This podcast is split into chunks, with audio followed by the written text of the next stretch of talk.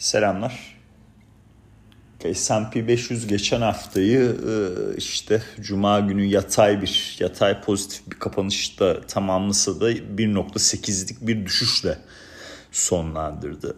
9 hafta üst üste e, yükselişler sonrası geçen hafta bir kar satışı yaşanmış oldu.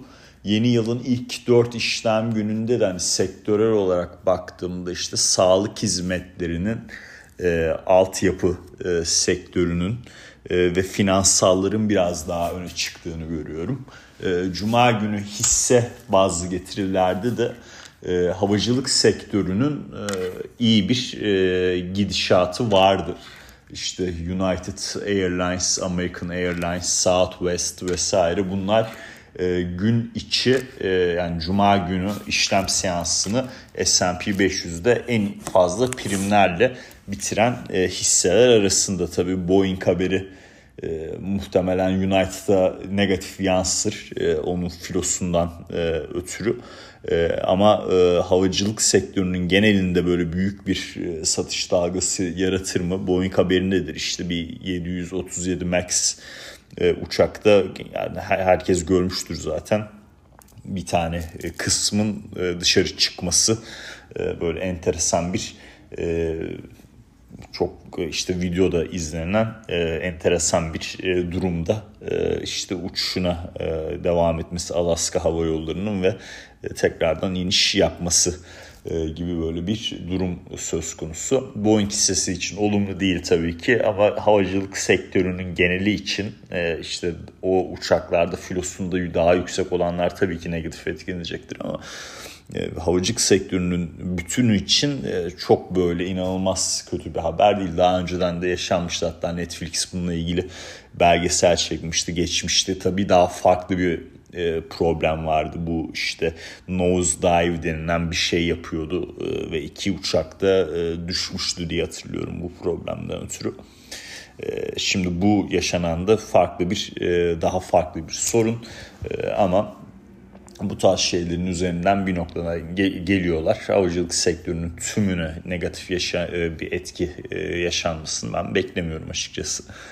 Ee, şimdi bu e, geçen haftaki işte S&P 500'ün e, düşüş göstermesi e, haftalık bazlı 1.8'lik tabii ki bir miktar 10 yıllıkların konumuyla da alakalı. Biz tarım dışı istihdam verisi sonrası 10 yıllıklarda bir yükseliş hareketi gördük 4-10'lara doğru. ISM hizmetler verisiyle beraber çok sert bir geri çekilme oldu. Yani volatilite özellikle tahvil piyasasında net olarak hissediliyor arkadaşlar. 3.95'lere doğru bir e, geri çekilme yaşandı. Haftayı da 4.05'ten sonlandırdık. E, bugün tabii e, ABD'de böyle çok majör ekonomik veriler yok ama bu hafta bayağı bir veri alacağız. Yani hem enflasyon verisi hem e, bilanço sezonu hem de e, işte ABD 10 yıllık ve 3 yıllık e, tahvillerinin ihraçları da e, olması lazım. E, bu e, işte e, açık e, açıklamalar eşliğinde e, fiyatlama dinamiklerinin içinde olacağız. E, yani 50 haftalık ortalamanın üzerinde e, bir kapanış e, yaptı 10 yıllık getiriler diye gördüm yanlış bakmadıysam. 200 e, e, haftalık 200 e, günlük ortalamanın da üstünde bir kapanış yapıldı. Yani ekonomik verilerle gideceğiz tabii ama çok yüksek seviyelere gitmesi vesaire ben zannetmiyorum. Hala Mart ayı ile ilgili olasılıklar %60'ın üzerinde faiz indirileceği yönünde. Ekonomik verileri aldıkça bu yapıyı daha iyi çözümleyeceğiz tabii ki. Ee, işte mesela hafta sonu e, Chicago Fed başkanından açıklama vardı. Ee, faiz tarafında çok aceleci davranmamak gerektiğini vurguluyor bu indirimler konusunda ama bilanço azalımı ile ilgili kural setlerinin önceden belirlenmesi bu önemli. Ee, bugün mesela net likidite endeksine baktım. Yani ters repo miktarı eridikçe tabii net likidite pozitif etkileniyor. Orada da ters repo e, yani gerçekten e, ciddi bir e, kan kaybı yaşıyor. Buna bağlı olarak bilanço azalım süreciyle ilgili de adımlar atıldı. Bir ne zaman yavaşlama yavaşlama yapılacak ve hangi kurallar dahilinde yapılacak önemli cevaplanması gereken soru işaretleri tabii.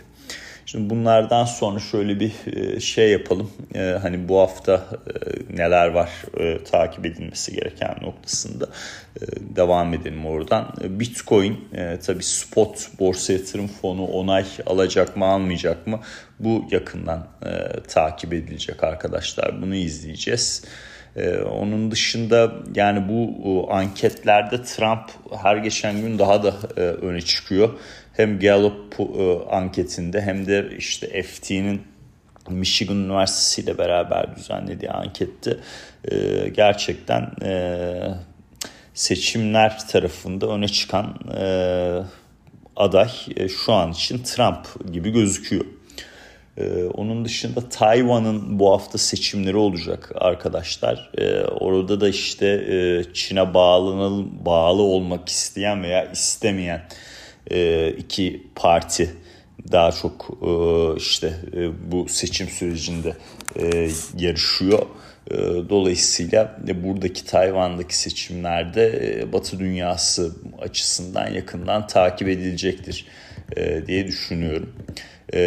Borç krizi işte daha doğrusu borç tavanı problemleri işte hükümetin kapanma riski bunlarla ilgili olumlu e, gelişmeler yaşandı. İşte e, Temsilciler Meclisi'nde e, hükümetin kapanmasını gerektirecek bir e, krizin çıkabilmesi e, noktasında e, anlaşmaya vardılar. Bunu önleme, bu krizi önleme e, adına e, bu da e, olumlu bir haber arkadaşlar.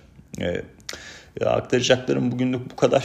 E, yarın zaten e, tekrardan bir e, kayıtta karşınıza çıkacağız. Herkese iyi haftalar dilerim.